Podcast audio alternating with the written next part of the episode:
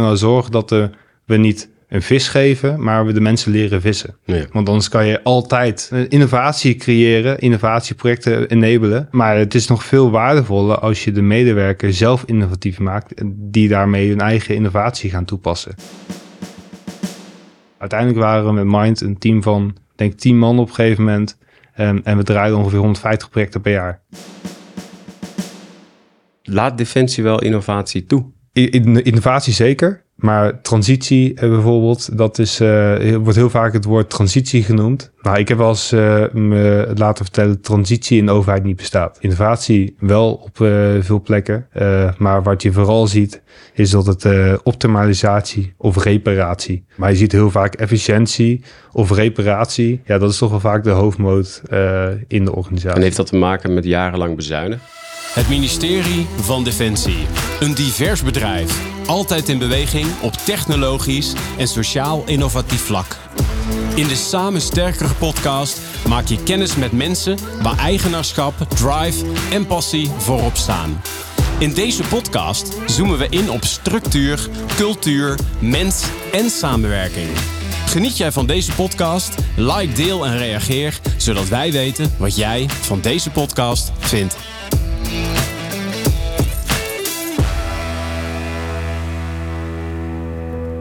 Wat is jouw naam en functie? Eh Lars de Grauw, Jij komt je bed uit voor... Ja, eh, eigenlijk eh, ben ik altijd zo enthousiast over mijn werk dat ik eigenlijk stiekem, hoe cheesy het ook klinkt, wel voor mijn werk het bed uitkom. Of dat nou zeg maar eh, met de reservisten is, eh, waar ik gewoon super veel plezier, echt een, eh, familie heb als het ware om eh, samen bezig te zijn.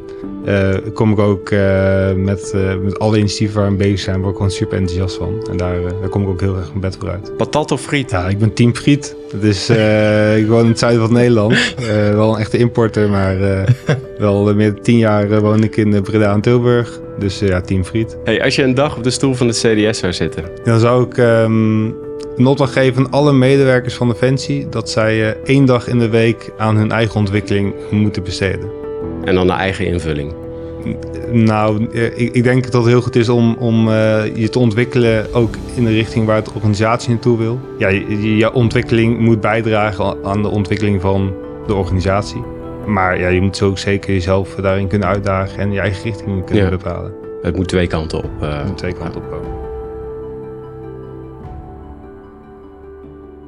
Om jou een beetje beter te leren kennen voordat we de diepte ingaan, heb ik een aantal tegenstellingen voor jou. Ja, je mag maar één antwoord kiezen. Dus ik ben de commissie en ik bepaal ehm, of, eh, of het goed is of niet. Ja? Spannend. Komt-ie. Beleid of de uitvoering? Nou, uitvoering. Robuust versus wendbaarheid. Wendbaar. Regie versus ondernemerschap. Ondernemerschap. Teruggaan in de tijd of naar de toekomst reizen. Toekomst. Omdat? Nou, ik ben heel benieuwd hoe, hoe die toekomst eruit ziet. En dan zijn we altijd, eh, ja, altijd een blik naar de toekomst ge- ge- ja, gericht eigenlijk. Ja. Ehm, en ik, ik, eh, op het moment wanneer er bijvoorbeeld een, eh, iets voorvalt, een probleem opkomt... en dan vinden mensen vaak een beetje frustrerend aan mij. Ik accepteer heel snel de fout en ik ga heel snel eh, kijken naar hoe gaan we dan vanaf hier nu verder. In plaats van dat we heel lang kunnen inzitten over het verleden. Een goed boek versus een podcast luisteren. Ja, ik ben echt een verwend podcastluisteraar, dus podcast Nice, nice. Resultaatgericht versus mensgericht. eh resultaatgericht. Oh, mooi. Ja. Mooi. Die had ik niet even Nee, sociale innovatie. Oké, vertel. Nou, uiteindelijk blijkt hoe, hoe eh, nou, je resultaat dat geldt. En hoe, je, hoe menselijk je ook met elkaar kan omgaan. Ehm, op het moment wil je samen ergens verder mee komen. Ehm, en dan kan je nog zo empathisch zijn met mensen, meeleven. En, eh, maar uiteindelijk, zelfs als ik net zei, eh, hoe nu verder met deze situatie.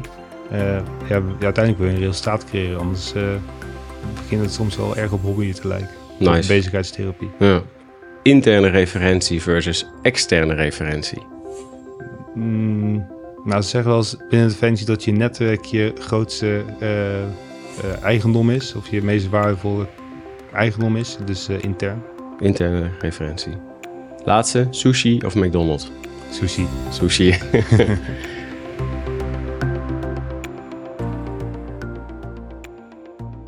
Lars, welkom in deze podcast. Uh, op deze manier hebben we jou een klein beetje beter leren kennen. Je hebt een, um, een flinke reis afgelegd en waar ik het met jou over wil uh, hebben, ook om mensen die uh, met een goed idee bezig zijn, met innovatie bezig zijn, met adaptiviteit, adaptiviteit of transitie. Ik wil hen eigenlijk uh, laten inspireren door jouw reis. vast niet gegaan zonder slag of stoot. jij bent ooit gestart bij het stuk Mindbase in Rotterdam. Uiteindelijk leren en ontwikkelingen in de, ontwikkelen in de organisatie Commit. Daar zijn een aantal uh, voorbeelden uitgekomen en die mag je zo allemaal toe gaan lichten. Een leiderschapsprogramma bij Commit, een uh, opleidingscatalogus van Defensie, waar je in terecht bent gekomen met, uh, met, met jullie leiderschapsprogramma. En zelfs gesprekssimulators. En uiteindelijk zijn die dingen dus ook, als je die voorbeelden aanhaalt, zijn jullie ook aan het borgen. Hey, en vertel eens over Mindbase. wat deden jullie daar? Hoe is dat ontstaan? Wat was de doelstelling? Ja, nou, de Mindbase uh, was eigenlijk de bedoeling om samen met de kennisinstellingen TNO, Marin, NLR uh, en de, toen nog de DMO een, een, locatie te openen ergens in Nederland waar we samen met uh, die organisaties tussen de start-ups, tussen de, de universiteiten zaten, uh, tussen gemeenteinstellingen bijvoorbeeld, veiligheidsregio, om samen te kunnen innoveren. we merkten heel erg uh, als innovatiecentra, dat je um, vanuit achter de poort, ja, daar kom je niet de innovatieve, ja, je komt daar heel veel innovatieve collega's tegen, maar daar raak je niet per se op inhoud geïnspireerd. Uh, zoals je die wel haalt bij bijvoorbeeld een Brainport, bijvoorbeeld een, een andere innovatiehub waar we, ja. uh, we, gewoon pioniers zitten. Wat is het meest vette wat je daar hebt gedaan? Dat je als je aan die tijd terugdenkt, dat je denkt, hé, hey, uh, met z'n allen hebben we dat maar gefixt. Nou, wat, wat heel gaaf was, we hadden een, een project gedaan uh, samen met gemeente Rotterdam en een aantal bedrijven die in die community zaten. En een, een Fins bedrijf ook nog. In die ha we zitten omringd door water. En wat we, waar we dus achter waren gekomen, dat um, elke organisatie die iets met water te maken heeft, is verantwoordelijk voor hun eigen data, sonar data. Uh, er werd niet met elkaar gedeeld. Dus één, één keer per dag deed heel de, de Rotterdamse haven met een uh, sonarboot alles uh, langs varen en die deed gewoon data verzamelen. Deze eigenlijk niet zoveel mee, meer voor instandhouding, hoe diep is het water nog, uh, moet er nog gebaggerd worden of iets dergelijks. Mocht er een, een, auto te water komen, dan komt de politie eraan. Nou, die komt dan met hun duikteam. En wat het eerste wat zij doen, is ook opnieuw data verzamelen. Want zij hebben geen toegang tot die data van het havenbedrijf. Zij, dus zij gingen zelf data met een sonar, gingen zij de bodem inspecteren. En dan letterlijk live op een, niet opnemen, maar gewoon letterlijk live op een beeldschermpje kijken.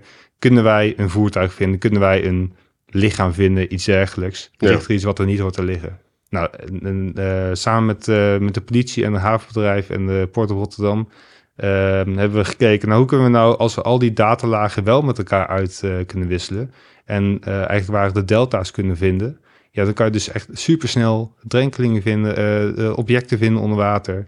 Ja, dat, uh, en zo kan je zorgen dat een beetje data, die paar bits, uh, veel meer inzetbaar, veel meer waarde kan krijgen ja. voor meerdere bedrijven dan dat je het enkel voor jezelf houdt. Dus we hebben een platform gebouwd en daar hebben wij al die data op elkaar kunnen leggen. En hebben we dus een soort van uh, ja, zoekmachine kunnen bouwen. Ah, te gek joh. Ja, en dat, dat, dat is ontstaan daar, omdat we daar aanwezig waren. Als we achter het hek waren gezeten, waarom niet met die partijen met dit vraagstuk in contact gekomen.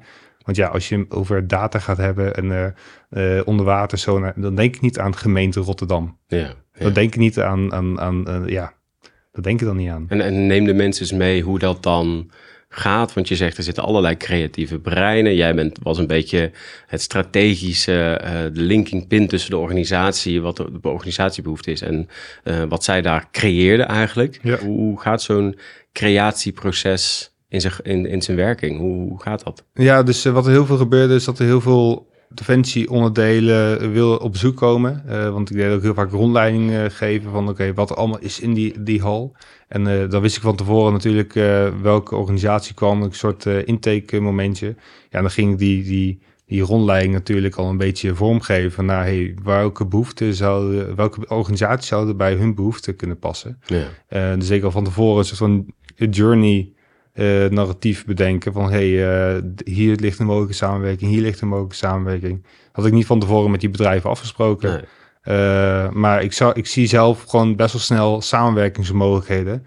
En dan probeer ik met mijn vol enthousiasme mensen mee te krijgen in mijn enthousiasme. Ja. En ja, als dat dan aanslaat, dan, dan kan je denk ik snel toepassen. En na, omdat ik ook bij de innovatiecentrum Mind werk, hadden we ook eigen investeringsbudgetten. Dus wij konden heel snel ook de eerste prototype opzetten. We konden heel veel kansen creëren en heel Ja. veel enabelen. Ja, om, om gewoon de eerste ervaring, de eerste ja, prototype te bouwen. En de prototype heeft eh, in, de, ja, in de engineering kant heel erg eh, ehm, enkel een functie, werkt het of werkt het niet. Ja. Maar eh, binnen de defensieorganisatie zie je ook heel vaak dat de prototype eigenlijk ook een heel goed communicatiemiddel is. Want op het moment wanneer je prototype hebt gebouwd, snappen mensen daadwerkelijk echt wat dan de intentie is Ja. van, ehm, ja, van, je, van, van je idee. Ja. En dan, dan gaan mensen vanzelf weer verder denken, verder nadenken eh, wat de mogelijkheden zijn. Dan, heb je, dan ben je al bezig met het naar, eh, de kansen creëren om op te schalen.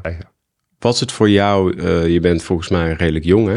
Ik ben 28 jaar, ja. 28 jaar. Ehm, toen was je nog wat jonger. Hoe lang is dat geleden?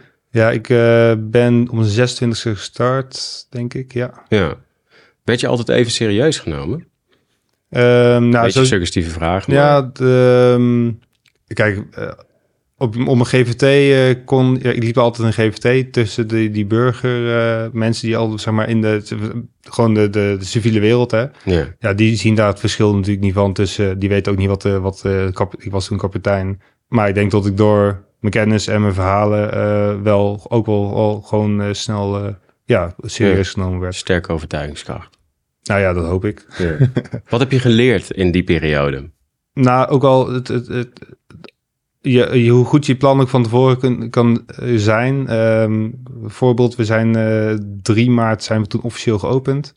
In 2019, nou ja, ik weet niet of je eh, afgelopen jaar hebt meegemaakt, maar der- of 10, eh 13 maart ging Nederland dicht. Dus we zijn toen officieel 10 dagen open geweest Ja. eh, in verband met corona. En toen hebben we heel erg gewoon eh, goed moeten nadenken. Hoe, we hadden zo'n mooi plan waar we allemaal events konden organiseren, mensen bij elkaar konden brengen. En het belangrijke was dan daadwerkelijk wel dat je, dat je samen kon komen. ja. Ja, dat, dat kon dus in één keer niet meer, omdat het corona was. Dus dat hebben we heel snel eh, moeten reframen en moeten nadenken... hoe kunnen we dan hier toch nog een, eh, een, een, een, ja, iets moois van maken.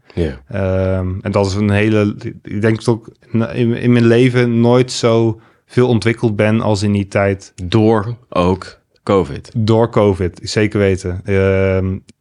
Je, je hebt en meer tijd voor andere dingen. Eh, ik heb denk ik ook wel belachelijke tijden, weken daar gemaakt. Ehm, je was ik was zelf verantwoordelijk. Ik had heel veel verantwoordelijkheid, heel veel eigenaarschap. Ik had heel veel vrijheid. Dus ik kon eigenlijk eh, in mijn volledige eigen eh, idee kon ik dat eh, inrichten. Natuurlijk niet helemaal alleen, samen met collega's, afstemming.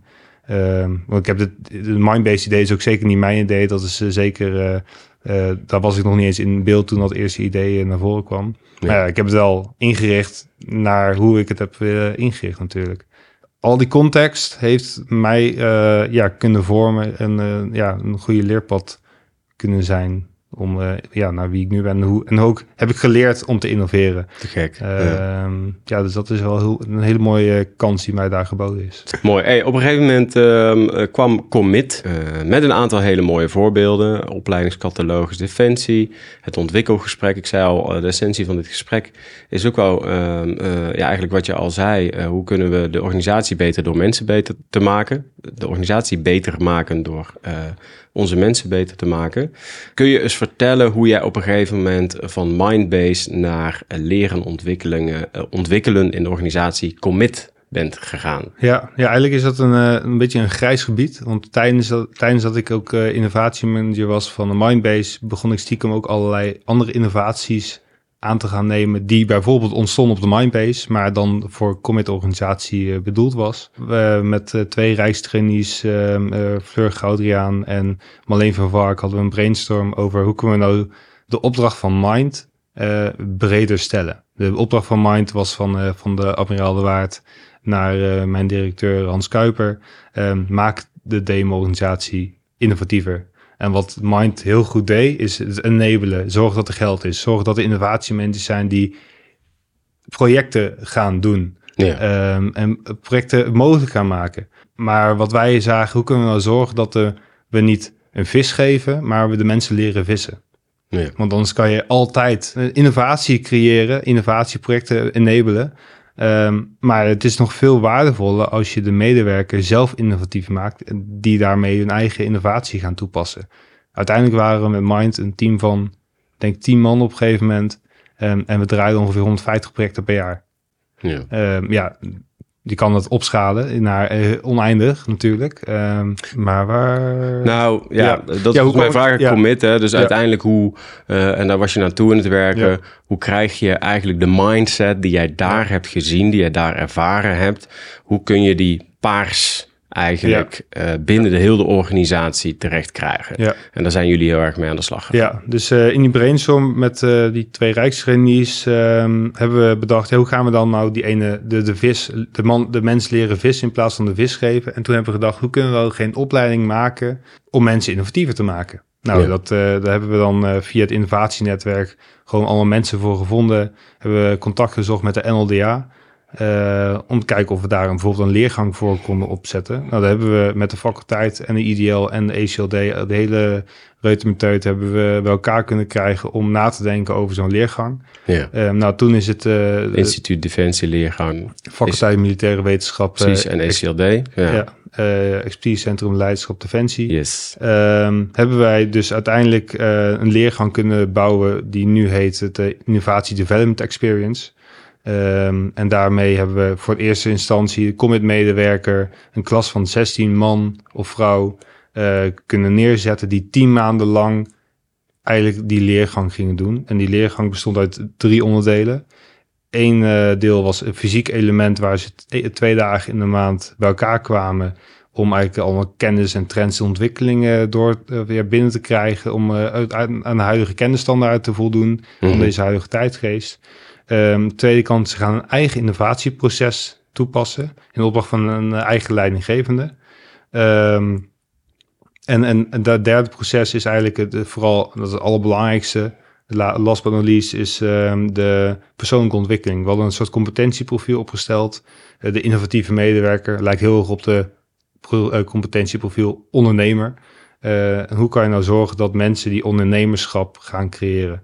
En met de kennis die ze kunnen toepassen in hun innovatieproces, waaronder ook eh, design thinking en zo allemaal eh, toegepast wordt, ehm, ontwikkelen zij zich naar een ondernemer binnen de organisatie. Ja. Ehm, waarmee zij uiteindelijk eh, een medewerker weet, als hij, niet, hij of een collega van hij of zij een idee heeft, dat zij weten, oké, waar moet je allemaal aan denken? Hoe kan je nou van die minder kansrijke idee een kansrijke idee maken? Eh, welke partijen in de organisatie moet je betrekken? Welke stakeholders moet je betrekken? Welke, welk geld kan ik betrekken? Welke kolonel moet ik af en toe aan zijn oor trekken om aandacht te krijgen voor, eh, voor mijn idee? Ook, Omdat- ook, ook lekker aan zijn oor trekken ook. Hè? ja, ja, of van zijn stropdas of eh, waar, waar, waar, waar- wat maar voorhanden is. Ja, Ehm, Ja. Maar hoe kan je nou zorgen dat, dat, dat een idee niet bij een idee blijft, maar ook een uitvoering kwast komt? Ik denk wel, hè, ik, ik ben zelf echt als soldaat begonnen, corporaal geworden, zelf gaan studeren. En ik moet toch wel eh, zeggen dat, eh, dat er ook heel veel innovatiekracht zit bij eh, de lagere eh, rangen. Eh, vooral eh, omdat je natuurlijk op een gegeven moment, eh, hoe meer je studeert, word je op een gegeven moment beperkt door je kennis. En eh, ik heb bijvoorbeeld ook bij de brandweer gewerkt, ook bij infanterie. En bij de brandweer zag ik zoveel innovatieve gasten. Ehm, je hebt natuurlijk ploegendienst. Nou, er werden dingen bedacht naast de ploegendienst. Dat wil jij niet weten. Nee, ja. En dat waren allemaal corporaals. En die hadden er bijna allemaal een bedrijf naast. Eh, dat zijn allemaal mensen die hebben topbedrijven Ja. opgezet. Ja. En dat waren corporaals. Ja, en wat, je, wat ik heel leuk vind, ehm, eigenlijk heb je die mensen weinig te leren. Die hebben die ondernemerschap. Ja, mooi. En ik denk stiekem dat eh, hoe hoger opgeleid je bent, hoe minder makkelijk het is om ondernemer te zijn. Ja, die vol. Ja, nice. Hoe kunnen mensen zich inschrijven Uh, ze kunnen een mailtje sturen naar uh, id.dmo.mindev.nl. En uh, op het innovatieplatform staan ook een artikel over de opleiding ID. Ja, te gek. Je hebt ook nog van alles gedaan. ik zie hier nog staan opleidingscatalogus, gesprekssimulator, ontwikkelingsgesprek. Zou je daar nog eens over ja. kunnen lopen? Ja, dat zijn projecten waar we nu mee bezig zijn. Comet heeft ervoor gekozen om ehm, uitbreiding te maken van het, van het uh, gesprekscyclus voor leidinggevenden. Um, je bent bekend met de, het uh, functioneringsgesprek, uh, introductiegesprek. Dat zijn de twee grootste gesprekken. Of misschien uh, slecht nieuwsgesprek, allemaal dat soort gesprekken. Ja. Ehm, echter, het ontwikkelen van de medewerker werd, was een heel klein beetje vormgegeven in het functioneringsgesprek. Ja, de, de, de, iemand functioneren beoordelen en daarna gaat praten over iemands beoordelen. Wij vinden dat niet echt in één gesprek passen. Want ja, dat heeft een bepaalde lading. Um, wij denken dat dat losgekoppeld moest worden. En heeft Natasha Koetsier heeft daar een, eh, een, uh, ook innovatiemanager van Mind, heeft daar een prachtig voorstel voor geschreven. Ja. En uh, dat hebben we binnen heel, day, heel Commit hebben we dat um, geïmplementeerd. Alle leidinggevenden moeten met hun medewerkers één keer per jaar het ontwikkelgesprek hebben. Maar dat is wel lastig, is nieuw. dus ja, hoe, hoe, hoe, hoe, vaak voeren mensen aan dat werkelijk gesprek? Wat is de kwaliteit van het gesprek? En we hebben via Mind een, eh, een lead gekregen om een uh, tool te gaan testen. Die heette de Dialogue Trainer. Is een, uh, een civiel bedrijf. En die maken simulaties op hun laptop of op, op een VR-systeem, maar kan ook gewoon op een telefoon of op een laptop, waarmee jij scenario's kan trainen um, zonder dat je een acteur nodig hebt. Een acteur nodig hebt. Ja. dus je zit in een gesprek en uh, ja, je gaat gewoon met een gesprek aan en je kan antwoorden kiezen door opties te klikken met je muis. En dan, uh, dan uh, reageert de persoon op je antwoord. En dan kom je heel snel erachter of jij het juiste antwoord of vragen hebt gesteld ja. voor het gesprek. En we hebben dat voor het Je ziet het scepticisme in mijn hoofd. ik kan me dat zo, omdat ik hier best wel veel. Ik heb daar trainingen gegeven. Ja. En ik kan me het zo niet voorstellen. Hè? Dus heel slecht. Maar overtuig mij van de kracht van zo'n systeem. Want ik ben de laatste maanden vooral heel erg. Um, ik vind het ook wel heel spannend, maar ik vind het ook interessant.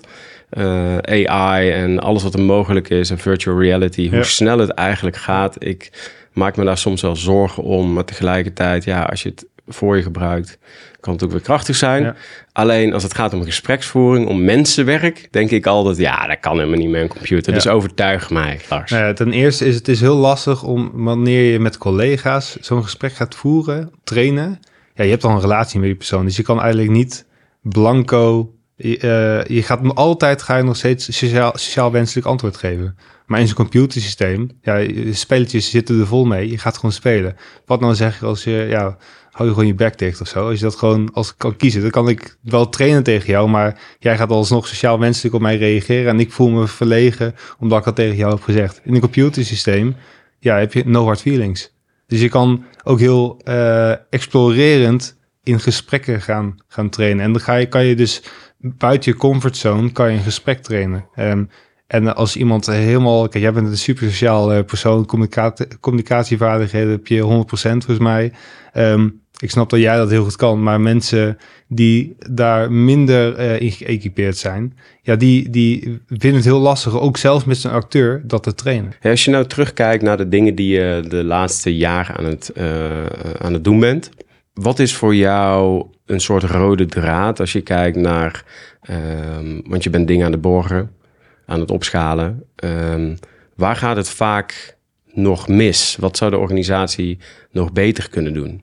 Um, ja zeggen en nee doen. Uh, dat uh, zie je toch wel vaak uh, nog voorkomen. Dat er, um, hoe mooie visies je ook hebt, hoe mooi je mensen kan overtuigen. op het moment wanneer je in het gesprek zit en de aandacht hebt, dan, dan is het best goed om met mensen kan je, ja, om afspraken te maken.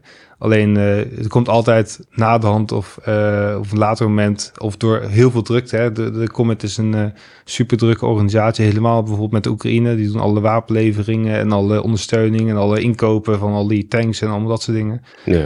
Um, op het moment wanneer de werkdruk heel hoog wordt, dan is bijvoorbeeld leren en ontwikkelen, waar ik me dan hard voor maak. Ja, dat komt heel snel op de tweede plek te staan. Um, dat kan voor een periode natuurlijk. Maar ja, op een gegeven moment, uh, als de druk heel lang heel hoog blijft staan, ja, dan ga je wel gewoon je kennis uh, is niet meer bij de tijd. En dan Ja. ga je, je wordt jezelf eigenlijk eh, failliet. Ja, en het enthousiasme bij de mensen eh, wordt minder natuurlijk als iets Ja. te lang duurt. Ja, ja en, en eh, op, op een gegeven moment word je gewoon een, eh, ja, ben je gewoon niet meer eh, capabel genoeg of is je kennis niet meer toereikend om eigenlijk het eh, toekomstige eh, beeld eh, te kunnen scheppen en toekomstige systemen te kunnen beheren. Ehm, als je altijd nog je, je, je, ja, je, als je je updates niet doet, als het ware, dan- als je computer niet update, ja, begint hij ook op een gegeven moment te stoppen met werken en is hij niet meer veilig en is hij niet meer up-to-date en Ja, dat functioneert gewoon niet meer optimaal. Dus je moet ook je kennis en je eigen kunde moet je continu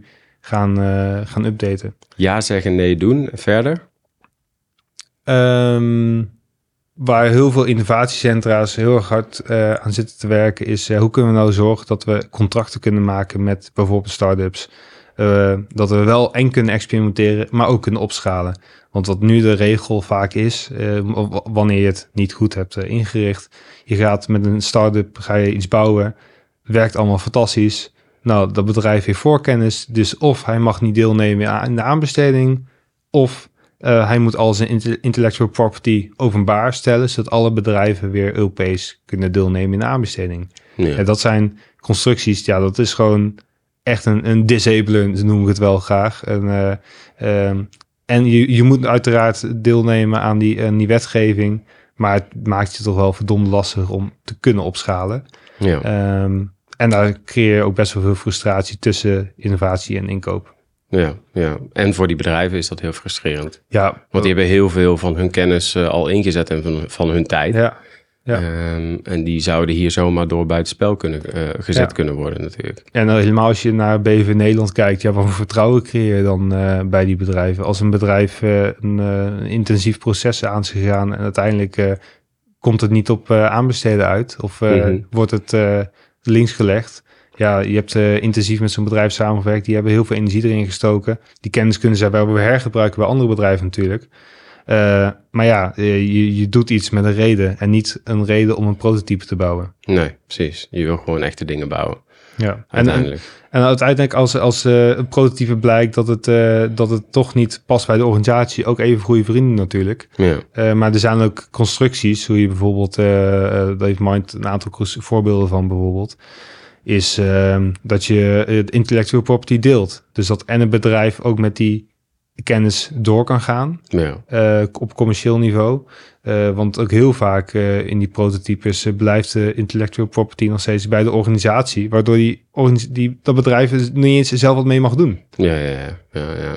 Hey, als we kijken naar de organisatie in zijn algemeenheid, welke onderwerpen zouden organisaties serieuzer eh, naar moeten, moeten gaan kijken? Nou ja, misschien al een beetje verklapt vanuit mijn CDS-vraag, maar ik denk echt in het ontwikkelen van die medewerker. Ehm, ik denk echt, dat- kijk, de, je hebt heel veel militaire scholen binnen de organisatie. Eh, alle opco's hebben fantastische scholen waar ze de militair in kunnen, een hele loopbaan eigenlijk is vormgegeven, hele opleidings-experience is eh, vormgeven. Ja, Eh, maar een derde van heel Defensie is ook niet een militair. En eigenlijk, ehm, er zijn heel veel opleidingen aanwezig, maar het mist vaak echt wel lo- loopbaanpaden. Eh, het mist eh, opleidingspaden. Ehm, ja, de- en je, ja, je hebt eh, je mensen en ja, die hebben een kwaliteit, capaciteit en eh, hebben heel veel waarde. Maar hoe kan je die waarde, die resources, hè, die human resource, hoe kan je nou investeren in die mensen om er nog meer uit te halen? ja, Om die mensen gelukkig te maken, te investeren in de mensen en de organisatie erin te verbeteren. ja, ja. Want ehm, je kan je heel veel eh, mensen zijn heel druk bezig met organisatieontwikkeling. Mhm. Maar je organisatie ontwikkelt pas wanneer je mensen ontwikkelen. Want de organisatie zijn je mensen. Ehm, laat Defensie wel innovatie toe? Ehm, innovatie zeker. Eh, maar transitie eh, bijvoorbeeld, dat is, wordt heel vaak het woord transitie genoemd. Ehm, nou, ik heb wel eens eh, me laten vertellen dat transitie in de overheid niet bestaat. Innovatie wel op eh, veel plekken. Eh, maar wat je vooral ziet, is dat het optimalisatie of reparatie de hoofdmode is. Ook bij de innovatiecentra's. Ja. Maar innovatie, wat is dan... Ja, dat is ook een soort van... ja, wat is dan daadwerkelijk innovatie natuurlijk? Ja. Ehm, maar je ziet heel vaak efficiëntie of reparatie. Ja, dat is toch wel vaak de hoofdmoot eh, in de organisatie. En heeft dat te maken met jarenlang bezuinigen? Dat heeft zeker te maken met jarenlang bezuinigen. Ehm, maar ook het eh, stukje kennisborging eh, die we hebben. of die we misschien wel waar we op zouden kunnen verbeteren. Ehm, nou, hoe vaak binnen Defensie evalueer je nou aan het eind van het project? Hoeveel, hoe vaak eh, komen er wel niet opdrachten naar bedrijven toe? Vooral bij consultancybureaus. Doe eens een literatuuronderzoek. Ja. En dan blijkt dat de literatuur die gebruikt is allemaal publicaties zijn van Defensie zelf bijvoorbeeld. Ja. Eh, die kennis hebben we ooit gehad, maar we zijn het uit zicht geraakt. Eh, maar hoe kunnen we nou zorgen dat we die kennis wel tot ons nemen? Hoe kunnen we nou zelf in onze kennisbakken, in onze kaartenbakken eigenlijk eh, eh, filteren? Nou, we hebben een, een zoekmachine op eh, Mulan. Eh, en daar kan je wat dingen vinden. We hebben wat samenwerkingsruimtes. ja. Maar ik heb het idee dat dat nog niet het, het gouden ei van Columbus is om op, op kennismanagementniveau. Nee, en, daarom zijn dus die leergangen en die simulaties en alles waar je mee bezig bent, eh, dat is echt iets wat je heel, eh, heel erg omarmt. Ja. Ehm, ehm, we hadden het, we hadden het eh, in het voorgesprek even over ehm, wat het belang is van de dialoog voeren of een discussie. Ja. Zou je daar eens wat woorden aan kunnen geven? Ja, dat is. We hebben bijvoorbeeld eh, ook in die, in die discussie, nee, die, die frustratie die innovatie met inkoop ehm, had, slash heeft. eh, hebben wij samen met inkoop eh, hebben hun benaderd en gevraagd: hey, hoe kunnen we nou voor zorgen dat wij snappen wat jullie motivatieredenen zijn? Hoe kunnen we dan snappen wat jullie achtergrond is, ehm, wat jullie kennisniveau is eh, op gebied van inkoop, zodat wij op niveau met elkaar een gesprek kunnen hebben. Oké, hoe kunnen we nou zorgen? Hoe kunnen we nou het innovatie enabelen in plaats van het gevoel hebben dat we dat we elkaar disabelen? Ja. Ehm, want eh, inkoop is frustre- gefrustreerd op de acties die de innovatiemanager eh, toepast, Ja. die dan niet binnen de kader van inkoop past. En andersom, want de, de innovatiemanager denkt, nou, hey, doe nou maar gewoon, want eh, eh, we willen een doel bereiken. Ehm, dus hebben wij een, eh, op de Open Defensie Academie hebben we ook een eh, module die is net gepubliceerd, innovatie, inkoop en innovatie eh, gebouwd. Waar wij eh, voor de innovatiemanager en eigenlijk voor alle defensiemedewerkers een basisleergang inkoop hebben vormgegeven. Zodat een innovatiemanager mee kan denken met de inkoper en een dialoog kan voeren. Want het je, ik denk wanneer je een dialoog voert, bouw je op elkaars kennis, snap je elkaars inzichten en zoek je samen naar een oplossing. Ehm zoals eh, een discussie is vaak hard op de inhoud, zacht op de relatie. Ja. Nou, een dialoog is eh, denk ik ook wel eh, zacht op de inhoud en zacht op de relatie. Want daar ben je waardeer je elkaar zijn mening, waardeer je elkaars perspectief. En ga je op zoek naar een samenwerkingsvorm. Mm, eh, heb jij echt een opdracht nodig om, om tot uitvoering te komen of bedenk je alles zelf? Nou, er zijn weinig dingen die ik doe waar ik echt een opdracht voor heb gehad. Ehm, want ik, eh, ja, we hebben vaak met collega's ideeën en dan gaan we dat voorbereiden en dan gaan we wel ergens een opdrachtgever vinden die ons dan eigenlijk ja, met terugwerkende kracht een opdracht, opdracht kan geven. Ehm, ja, ik, eh, niet dat ik me niet een opdracht laat geven hoor, maar eh, ja. Ja, is dat zo? Nou ja, kijk, al, eh, in een stukje commandovoering, eh, als ik in mijn reservist eh, taken, ja, dan krijg ik wel gewoon een opdracht, Ja. natuurlijk. Maar dat is een heel ander, op een heel ander niveau, Zeker. Ja. Ehm, op militair niveau. maar dat is ook een verschil tussen missie, missie mentaliteit en vredesbedrijfsvoering die je hier natuurlijk ja, pakt. hè? Zeker, zeker. Ja. Ehm, en ik denk dat ik eh, in de tijd binnen heel commit eh, altijd de positie heb ge- gehad en gekregen om eh, met eigen initiatief te komen. Eh, en ik denk dat iedereen die vrijheid heeft, maar eh, vrijheid moet durven pakken. Mooi, mooi. Ik ga niet eens mijn best doen om. Nee, ik ga wel een poging wagen om hem toch samen te vatten. Ehm, we hebben het eigenlijk gehad over jouw reis, hè? Jouw reis, Lars, ehm, ehm, om mensen in hun kracht te zetten om de defensieorganisatie beter te maken. Ehm, we hebben het gehad over jouw tijd eh, in Rotterdam uh, bij Mindbase. Een hele mooie innovatieve organisatie waar als je mensen van buiten en van binnen samenzet, hoe je dan met elkaar tot innovatiekracht kan komen. Uh, wat je daar zag, de cultuur die daar ontstond, die zijn jullie eigenlijk in commit, um, uh, in het vat commit gaan gieten om op die manier um, um, wat jullie daar geleerd hebben, paars in de organisatie te kunnen plakken. Daar zijn leiderschapsprogramma's uitgekomen. Uh, jullie zijn bezig met gesprekssimulators. Uh, en veel van deze programma's zijn ook te vinden nu via de Open Defense Academy. Dus ik wil mensen ook uh, uitnodigen om daar eens te kijken. dat is misschien wel even goed dat je daar nog even mee afsluit. Um, oh ja, en de laatste, ja, toch wel die dialoog. Hè? Dus ga de dialoog met elkaar aan. Um, kijk elkaar eens diep in de ogen. Weeg elkaars belangen eens af. Uh, kijk niet alleen naar de organisatiebelang of je eigen belang, maar het grotere belang. Wat is de bedoeling eigenlijk? Ja. Die komt heel vaak terug in deze podcast. Um, uh, en toch wel even als nabrander nog van jou. Um, uh, waar kunnen mensen de programma's, je hebt het net al een keer gezegd, maar kracht ja. van de herhaling, waar kunnen mensen jullie vinden? Ja, dus als je uh, graag uh, wil, wil, kijken naar de opleiding Innovatie Development Experience, uh, dan kan je op innovatieplatform een, een pagina van ons vinden, innovatie.mindev.nl.